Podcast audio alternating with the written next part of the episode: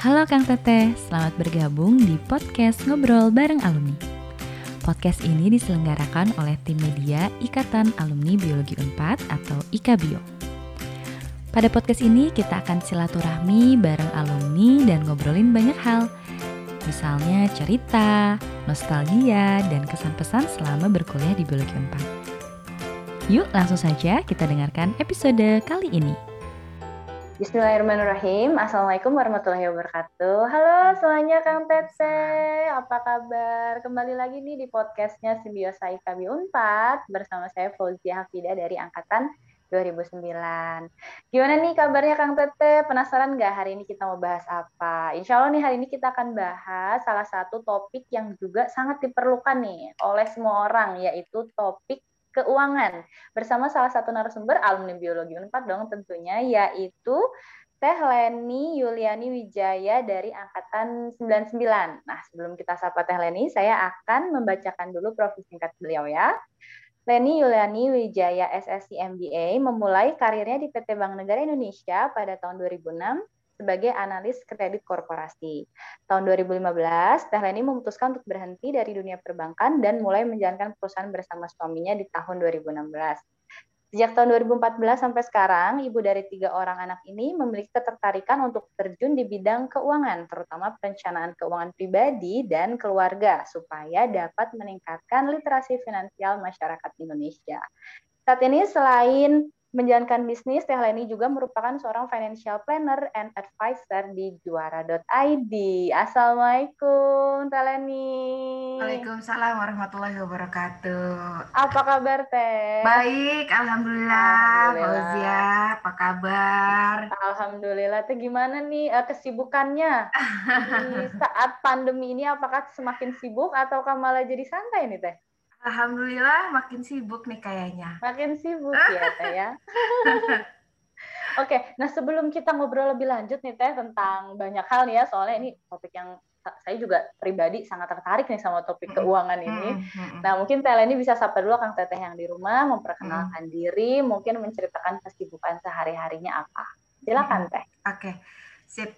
Assalamualaikum warahmatullahi wabarakatuh. Selamat pagi Akang Teteh semua. Apa kabar? kayaknya lama banget ya nggak ketemu sama uh, teman-teman di biologi. Mudah-mudahan semuanya sehat. Alhamdulillah. Amin, amin, amin. Kesibukan saya selama ini uh, setelah lulus dari biologi, seperti yang tadi diceritakan Fuzia, saya pernah bekerja di Bank BNI selama kurang lebih 10 tahun. Terus habis itu resign, melanjutkan usaha, dan uh, pas pandemi ini saya menambah satu lagi kesibukan sebagai financial advisor di Juara. Kenapa? Karena memang sebetulnya dari dulu saya udah tertarik dengan keuangan tuh emang dari emang dari udah lama ya karena background orang tua saya juga kan pedagang gitu kan. Jadi emang dari zaman uh, eh, SMA tuh emang udah ngulik-ngulik gitu tentang keuangan gimana ngatur keuangan. Namanya kita anak kos ya 10 tahun di Bandung gitu. Jadi ya balik-balik lagi ya, balik-balik lagi kerja di BNI, terus kemudian uh, usaha sendiri, terus sekarang jadi financial advisor yang ngulek muter-muter aja di situ gitu Fauzia. Yeah. Wah menarik banget nih sebelum kita ulik lebih jauh nih kenapa nih Teleni bisa sampai akhirnya tertarik sama keuangan dari SMA tapi kuliahnya di biologi nih ya kan banyak yang nanya juga nih pasti akan Teh di rumah. Nah tapi sebelumnya nih Teh bisa ceritain nggak dulu nih akan uh, Teh Leni ini kan kuliahnya tahun 99 ya. Kira-kira gimana sih keadaan biologi Unpad saat itu? Apa sih yang paling diingat sama Teh Leni ketika kuliah di biologi Unpad ah, saat okay. itu? Sebelum cerita uh, apa yang diingat kuliah di biologi Unpad, saya ceritain background dulu gitu kenapa Boleh. senangnya keuangan tapi milihnya di biologi gitu kan. Betul, betul, betul. karena emang karena emang dari uh, eh, SMA itu emang sukanya pelajaran biologi gitu kan. Terus uh, akhirnya tadinya mau ke kedokteran tapi kemudian masuknya ke pilihan kedua mungkin Allah jodohkan saya dengan biologi gitu kan. Betul. Tidak pernah menyesal karena masuk biologi karena waktu kuliah di biologi itu senang banget emang emang kesenangan saya gitu biologi gitu jadi yang waktu diinget itu adalah ya ketika saya kuliah uh, lapangan gitu, ketika ke Leweng Sancang, ketika oh. uh, pokoknya kalau lagi ke lapangan aja tuh seneng banget gitu saya. Mm-mm. Oke, jadi ternyata memang Teh Leni sebenarnya suka biologi ya Teh ya dari Emang dulu suka, ya? He, emang suka. Dan juga sukanya yang ke lapangan malah ya. Betul, jadi lebih ke ke lebih ke yang dunia tumbuhannya gitu. Jadi saya tuh saya tuh bukan anak bukan anak lab hewan-hewan gitu. Sama, takut kalau hewan-hewan takut. Mendingan papanasan gitu saya mah. Oke, benar-benar. Oh, kalau waktu ke Leweng Sancang itu dalam acara apa tuh Teh? Saya juga pernah tuh ke sana tapi itu cuma saya, sebentar. Itu saya uh, kulap ya kuliah yang oh. satu angkat seminggu yang seminggu di sana. KKL gitu ya Teh ya? Iya, kayaknya KKL namanya. Terus nggak ada penginapan berarti Teh ya? Karena di sana kan masih nginep rumah di, warga aja. Iya, gitu nginep ya? di rumah warga. Ada satu rumah warga yang gede banget gitu. Jadi kita seangkatan nginep di situ. Oke, karena waktu saya KKL kan nginepnya di hotel teh. Oh, udah ada hotel? Udah bagus lagi jalannya di sekarang. Pangandaran, enggak di Pangandaran tapi saya KKL. Oh, di Pangandaran mah udah bagus. Pangandaran tuh melewati rumah saya.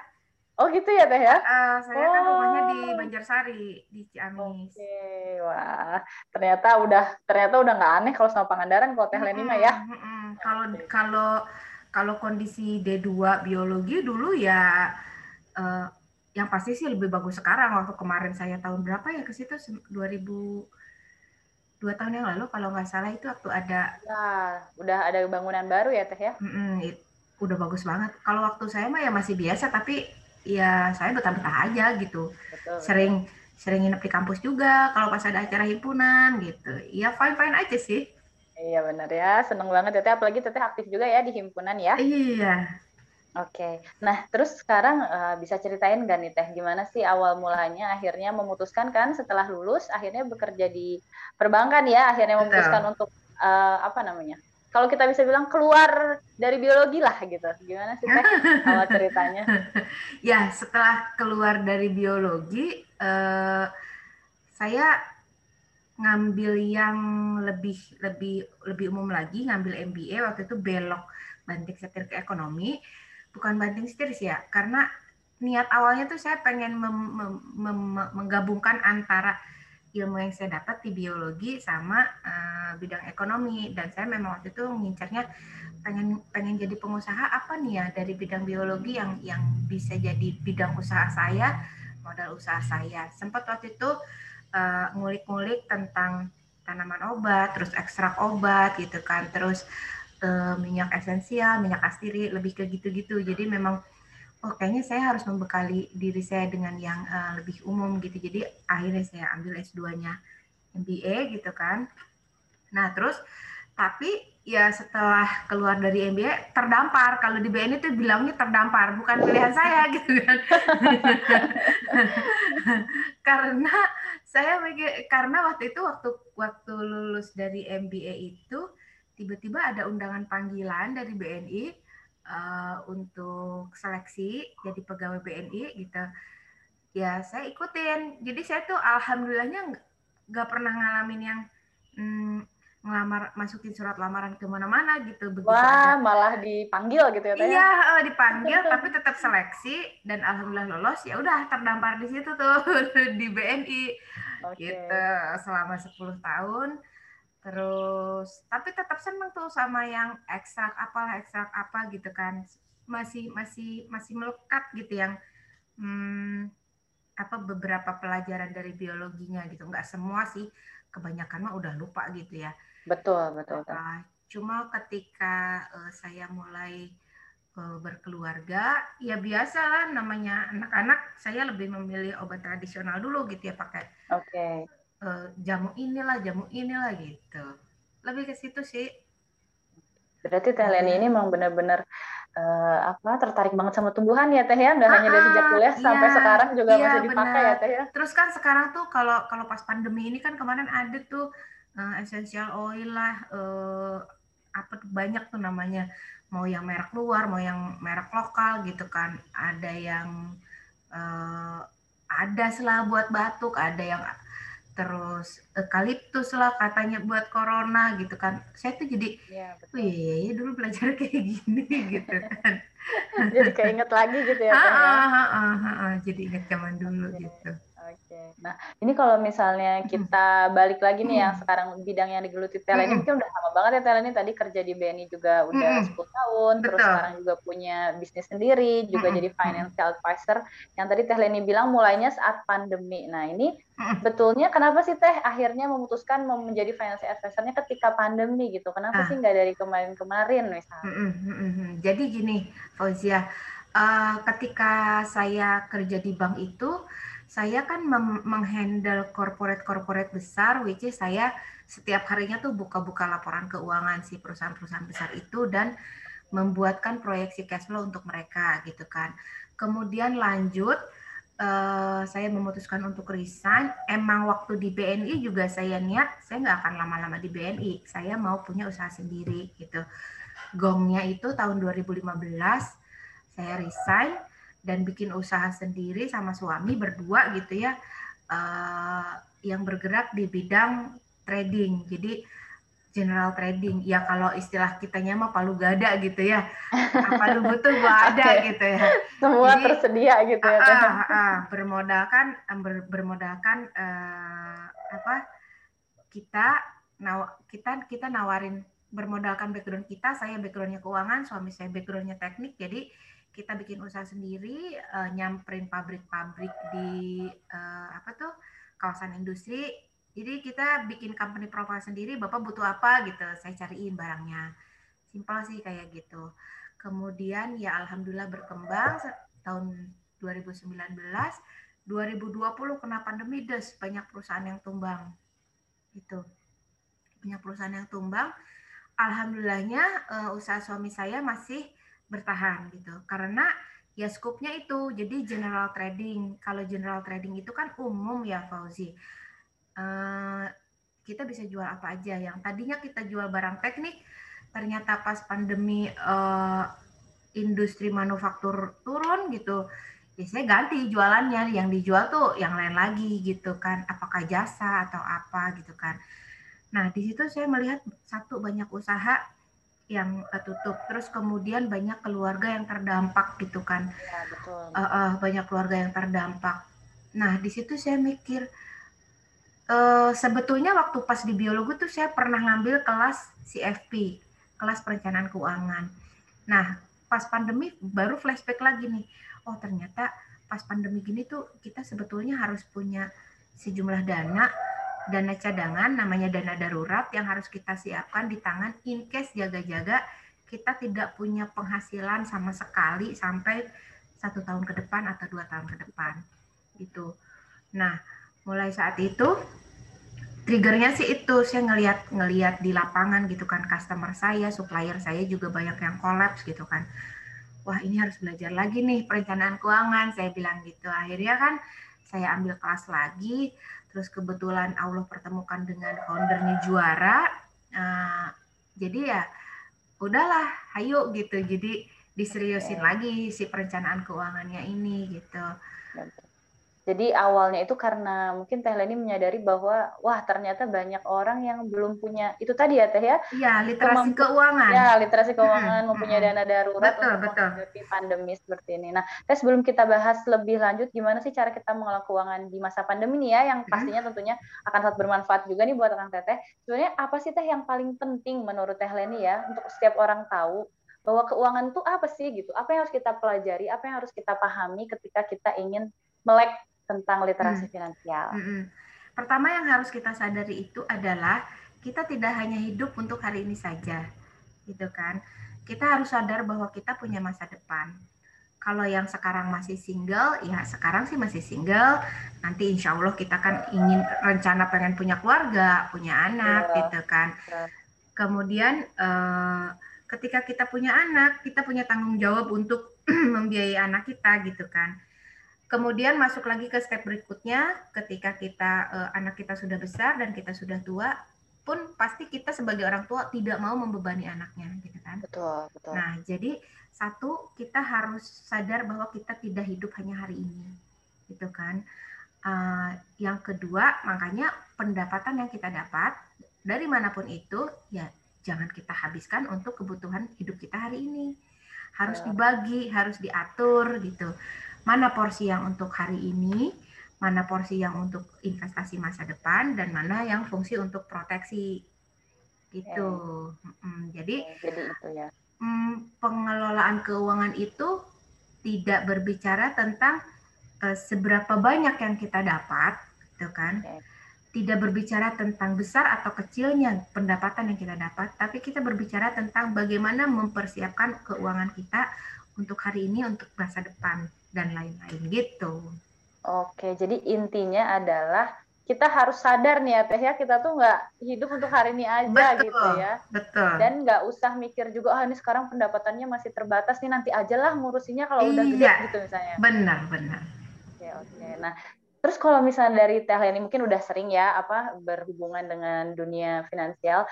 Menurut teh ini apa sih kesalahan yang paling sering dilakukan orang-orang ketika mengurus keuangannya mengelola keuangannya kesalahan yang sering saya temuin tuh ya dari dari uh, teman-teman ketika ada workshop, terus dari ada yang uh, klien pribadi gitu. Jadi mereka tuh lebih banyak menghabiskan pendapatannya untuk biaya hidup saat ini tanpa mereka sadari. Bener banget yang tadi Fauzia bilang. Ada juga yang saya bilang, ada yang bilang gini, gaji saya mah masih kecil nanti aja dia ngatur keuangan mah kalau udah gede gitu. Iya, itu betul, betul, yang kedua yang seperti itu gitu. Jadi banyaknya memang mereka tidak sadar uh, bahwa gaji mereka habis, pendapatan mereka habis untuk biaya hidup hari ini. Tapi benar nggak sih Teh Leni kalau misalnya nih ya, saya pernah baca nih, katanya kalau misalnya kita punya gaji sekian, mm. uh, ketika naik tuh gajinya pendapatannya naik, pengeluarannya juga ikut naik. Apakah itu benar? Benar. Kayak, benar, benar. Orang mengalami benar. itu gitu. Benar, benar. Bagi saya pribadi, saya pribadi dulu waktu kerja di BNI itu kan, belum kenal mengenai perencanaan keuangan. Jadi memang saat itu saya bekerja di institusi keuangan. Ya, betul. Nah, saya bekerja di institusi keuangan, tapi saya tidak melek pengelolaan keuangan. Wah, padahal udah tertarik tentang keuangan udah SMA ya teh ya? Lebih, jadi tertarik dengan keuangan itu lebih ke eh, gimana saya dapat income lebih. Oke. Okay. Jadi emang emang emang bakat dagang dari dulu gitu ya. Bahkan waktu di biologi juga kalau ada seingat saya waktu itu acara lustrum gitu ya. Saya tuh sering dagang di situ di di di, di PAUD PAUD PAUD ya. Iya. oh, iya apa ya namanya? Cari dana lah pokoknya jualan. gitu yang subuh-subuh udah jualan di situ gitu. Itu tuh seneng banget Hobi gitu. ya. ya. Heeh, seneng banget. Nah, jadi waktu itu emang emang tertariknya lebih ke gimana ya saya saya, saya dapat income lebih banyak supaya uh, saya bisa nabung gitu kan. Mm-mm, tapi waktu itu lebih ke begitu saya dapat uang berapa hidup saya hari ini sisanya sisanya ya ditabungin gitu. Jadi okay. bukan begitu dapat uang ditabungin dulu baru dipakai buat hidup gitu. Oh, oke. Okay, saya pakai okay. dulu baru sisanya. Baru gitu. sisanya. juga kalau ada sisa gitu baru ditabungin gitu. Iya betul nah, ternyata betul. itu salah gitu. Harusnya okay, okay, dapat berapa dibagi dulu Oke, jadi uh, ternyata Teh Leni aja yang udah punya apa namanya Teh udah punya ketertarikan ya dengan dunia keuangan Betul. itu baru baru ngeh mengelola hmm, keuangan itu benar, bukan benar. dari awal malah Teh ya? Bukan, bukan. Gitu. Iya benar banget itu yang tadi dibilangin. Jadi uh, ketika pendapatan kita meningkat, pengeluaran juga meningkat. Kenapa? Karena kita uh, gaya hidup kita juga meningkat. Uh, semacam ada boleh dong self reward gitu kan. saya sudah betul, mencapai betul, posisi betul. ini dengan effort yang saya keluarkan, bolehlah saya ganti handphone lah atau misalkan betul. ganti mobil gitu. Betul. Ada beberapa liburan yang, gitu ya teh. Liburan, uh, you name it lah yang gaya hidup gaya hidup kekinian tuh itu banyak banget gitu. Tapi ternyata tanpa mereka sadari bahwa mereka juga akan hidup di masa yang akan datang, bahwa mereka juga punya anak. Eh begitu anaknya mau masuk sekolah, bingung uang uang sekolahnya kok gede banget ya gitu kan. Ya, lah betul, kemarin betul, ke mana betul. aja gitu. Oke, jadi, jadi pengen, ini ya pengen meningkatkan literasi tuh itu gitu bahwa okay. uh, ya udah kalau gaya hidup self reward boleh, tapi sepanjang masih dalam koridor perencanaan keuangan uh, yang udah kita pegang sama-sama gitu. Oke, jadi ini hmm. nggak ada alasan nih buat Akang Teteh ya, misalnya berapapun alasan, pendapatannya, uh, itu harus melek banget sama pengelolaan keuangan ya Teh ya. Betul, nah betul. ini kalau saran dari Teh Leni nih, kira-kira apa sih yang bisa kita lakukan, terutama yang belum belum menyadari nih tentang pengelolaan keuangan, apa sih yang bisa kita lakukan untuk supaya kita bisa mengatur keuangan kita lebih baik lagi? Hmm, jadi kalau di juara ini kan pengaturan keuangannya itu berdasarkan tiga warna uang nih, Fauzia. Jadi okay. ada uang merah, uang biru, dan uang hijau. Uang merah itu bukan selalu uang seratus ribuan yang ribu, iya tadi saya pikirnya gitu merah. Simpelnya memang ngaturnya dari warna uang gitu. Jadi biar lebih uh, gampang lah ngingetnya gitu. Jadi dari 100% uh, pendapatan yang kita dapat, sisihkan dulu 10% untuk uang emas. Uang emas itu adalah zakat infak sodako. Memang meskipun kalau di Islam uh, angkanya dua setengah persen, tapi nggak apa-apa kita lebihin 10 persen. Namanya juga kan tabungan akhirat ya itu ya. Betul. Dan betul, tidak akan mengurangi harta kita sedikit pun gitu kan. Jadi emang 100 persen, keluarin dulu 10 persen tuh. Udah itu mah tabungan akhirat.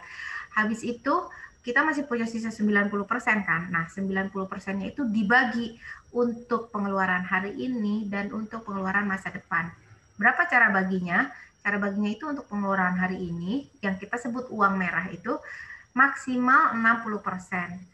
Jadi uang merah itu adalah uang yang Fauzia keluarkan untuk kenyamanan Fauzia. Jadi semakin banyak uang yang kita keluarkan untuk kenyamanan kita, contoh makan, uh, minum, Enak gitu ya. jajan kopi, jajan boba, uh, beli pulsa, beli ke salon, gitu ya. internet, gitu. ke salon, uh, member fitness, terus langganan Netflix, di, Netflix, Disney dan lain-lain dan lain-lain lah itulah uang merah kita. Oke. Okay. Uh, plus cicilan, cicilan rumah yang kita tempati, cicilan handphone, bayar anak sekolah, bayar ART gitu kan. Uh, apalagi tuh bayar laundry. Pokoknya uang yang kita keluarkan untuk membeli kenyamanan kita itu masuk golongan uang merah. Oke. Okay. Nah, uh, selama juara mengadakan workshop, kebanyakan uang merahnya itu lebih dari 60% Fauzia. Jadi memang betul uh, masyarakat saat ini tuh sekarang terlena sama gaya hidup. Berasa, okay. oh kita punya income-nya gede, ya gak apa-apa saya misalkan uh, langganan apa fitness atau apa gitu kan ke salon sering-sering gitu. Uh. Jadi ketika uh, uang ketika uang yang mereka dapat habis untuk gaya hidup, misalkan uang merahnya itu ada 80%.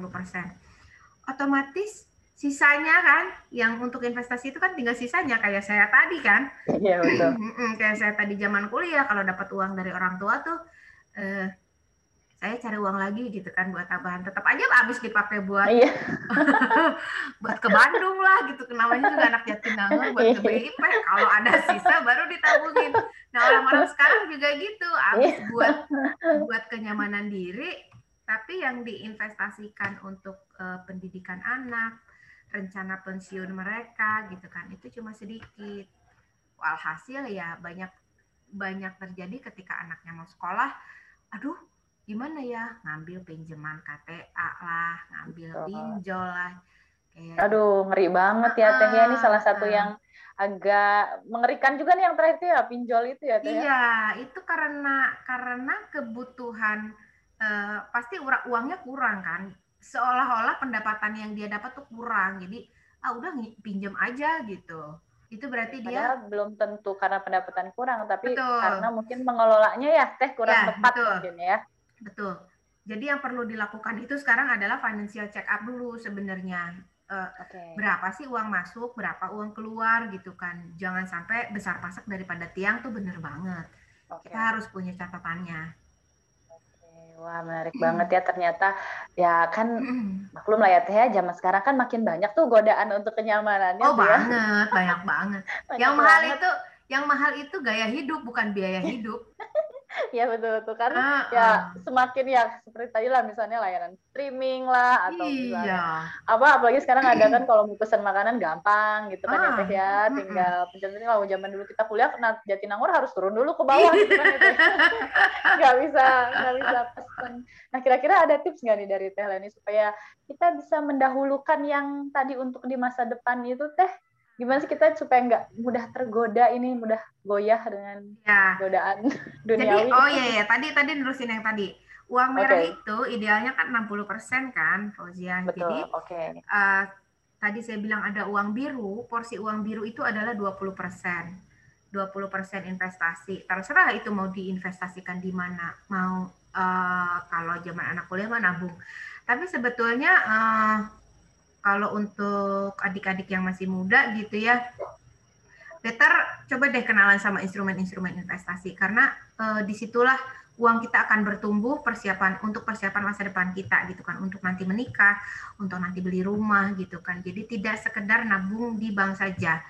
Cobalah uh, ulik-ulik lagi instrumen-instrumen investasi seperti kan sekarang banyak tuh. Ada reksadana terus ada saham. Tapi jangan terjun ke suatu instrumen investasi uh, seperti yang lagi ramai sekarang tuh ada ya, ya. kripto lah boleh disebut ya kripto lah saham lah. Jangan terjun ke situ kalau kita nggak punya ilmunya jangan ikut-ikutan. Okay. jangan FOMO fear of missing out. Gitu. atau ikut ikutan tren doang gitu tapi nggak ngerti gitu ya, ya. betul. Jangan itu nah terus tadi 60 merah 20 biru. Sisanya apa nih? Sisanya uang hijau uang hijau itu untuk dana darurat kita. Jadi kalau ada apa-apa eh, sama diri kita, baik untuk yang jangka pendek maupun jangka panjang kita harus siapkan. Dalam bentuk apa? Dana darurat itu eh, untuk yang masih single hitungannya itu 3 sampai 6 kali 3 sampai 6 kali kebut, eh, pengeluaran bulanan. Jadi misalkan anak kos sebulannya habis 3 juta, ya better dia sudah punya tabungan at least 9 juta gitu. Tapi kalau belum 9 juta ya sisihin aja dulu uang uh, di tabungan ini benar-benar di tabungan yang mudah diambil ya. Uh, nyicil aja supaya jadi nanti 9 juta gitu kan. Itu untuk kebutuhan darurat. Misalkan uh, tiba-tiba kalau anak kos pakai motor, motornya harus masuk ke bengkel gitu kan. Ya, nah, jadi nggak ngambil nggak ngambil dari biaya bulanan gitu. Terus untuk uh, dana darurat yang jangka panjangnya itu kita harus punya proteksi terhadap diri kita gitu. Once kita sakit, kita harus dirawat gitu kan sakit dalam jangka waktu yang lama. Kita nggak ngabisin uang bulanan kita untuk pergi berobat. Dengan apa? Dengan ada proteksi insurance gitu kan. Jadi kalau Fauzia nanya gimana caranya, ya harus saklek ketika kita dapat uang, ketika ada pemasukan, pendapatan berapapun itu, langsung dibagi pos-posnya itu 10 keluarin 60 20 sama 10 gitu. Kalau misalkan sekarang uh, sudah terlanjur biaya hidupnya uang merahnya udah 80 persen atau kurangin ya. bahkan ya. 90 persen gitu kan dilihat lagi deh dilihat lagi gitu. Jadi kadang-kadang ada hal-hal yang memang kita bisa ternyata kita bisa ya mengurangi gitu. Misalkan uh, jajan dari makanan antarnya ternyata kan suka ada tuh kalau dari jajanan makanan antar gitu invoice suka dikirim ke email kan Betul. Suka ada tuh laporannya sebulan. Iya, udah segini oh, gitu ya. Oh, bulan ini ternyata segini. Itu tuh benar-benar bisa jadi kalau ukur banget gitu. Wah, sebenarnya ini kalau saya masak sendiri mah lebih hemat kan gitu. Baik Betul. untuk untuk yang masih kuliah atau untuk yang sudah berkeluarga gitu kan. Seperti itu. Jadi kadang ada pos-pos yang uh, lebih ke keinginan, bukan kebutuhan bedanya itu kan kalau kebutuhan kita tuh makan tiga kali sehari lah kalau keinginan dia pengennya mah makan yang di restoran gitu ya, ya pengen habis makan minum boba gitu ya. betul seperti itu nah sekarang ya setelah di, di setelah tahu 60 20 10 kita kan harus uh, mengukur skala prioritas kita. Ini jadi mana nih yang mudah didahulukan? Apakah mau enak-enak sekarang tapi nanti mau nyekolahin anak bingung gitu kan Betul. ya balik lagi ke pilihan. Wah menarik banget ya. Sebetulnya hmm. eh, apa ya sebetulnya simple ya teh ya. Sebenarnya simple. Tadi itu jangan sampai lebih besar pasak daripada yang Betul. mungkin apa namanya implementasinya agak sedikit sulit. Pertama dari, kita mulai dari mencatat dan okay. hampir semua peserta workshop gak pernah nyatet pengeluarannya. Oke, okay. padahal sekarang aplikasi banyak loh. Tesnya juga pakai banget. aplikasi di handphone gitu ya. Nah itu bagus banget. Nih. Iya. Gampang gak, harus setiap bulan nyatet sih sebenarnya Fauzia. Jadi kita punya at least satu bulan aja pengeluaran kita. Kita ngukur pengeluaran kita satu bulan. Jadi kan kita punya potret nih. Mm-mm, jadi nggak harus bulan ini nyatet, bulan depan nyatet, terus-terusan aja nyatet. Enggak, nggak harus begitu. Jadi uh, lebih ke di awal aja kita kayak financial check up, kayak rapid testnya lah gitu. Oke. Okay. Saya uh, reaktif atau non reaktif nih terhadap uh, kebangkrutan gitu kan, terhadap Aduh. potensi ngambil hutang nih gitu kan. Iya betul betul. Uh, betul kadang waktu pertama kali dicatat ya teh ya misalnya sebelumnya kan nggak pernah nyatat terus nyatat kadang kaget sendiri loh wah ternyata kok pengeluarannya banyak banget ya gitu kan untuk untuk hal yang saya rasa ah kayaknya enggak tapi ternyata banyak itu gara-gara mencatat gitu ya teh ya. iya ada buktinya kan ada buktinya jangan dibuang gitu Oke, menarik banget nih ya. Pasti akan Teteh uh, nanti habis ini bisa sambil dicatat ya tadi pengeluarannya uang merah, uang biru, uang hijau berapa. Ya. Dan yang pasti harus tegas itu tadi ya Teh ya. Iya, benar, benar, ya. benar. Benar. Oke, nah sebelum kita tutup nih podcastnya ini ramai banget. Nah kira-kira nih ya, Teh Leni kan dulu apa namanya kuliah biologi, tapi sekarang hmm. uh, berkecimpung di dunia keuangan. Pernah nggak sih Teh merasa salah jurusan? Mungkin akan Teteh juga banyak juga nih yang mungkin yang masih kuliah merasa oh, kayaknya saya nggak di sini, atau yang udah lulus merasa kayak saya nggak sekarang di apa di jurus apa di lingkup kerja biologi gimana kira-kira? Kalau saya sih nggak pernah merasa salah jurusan karena pertama okay. emang satu emang saya suka biologi kan Terus yang kedua, uh, waktu kuliah di biologi itu tidak cuma hanya pelaj apa pelajaran biologi aja saya dapat, tapi kan di situ juga kita dapat uh, waktu itu alhamdulillahnya saya aktif di himpunan, terus banyak banyak life skill yang saya dapat saat saya kuliah di sana gitu. Betul Jadi banget. Nggak pernah nyesel ke kuliah di biologi. Jadi tetap ada yang terpakai ya, Teh sebetulnya iya, mah ya gitu. Iya, kan? iya.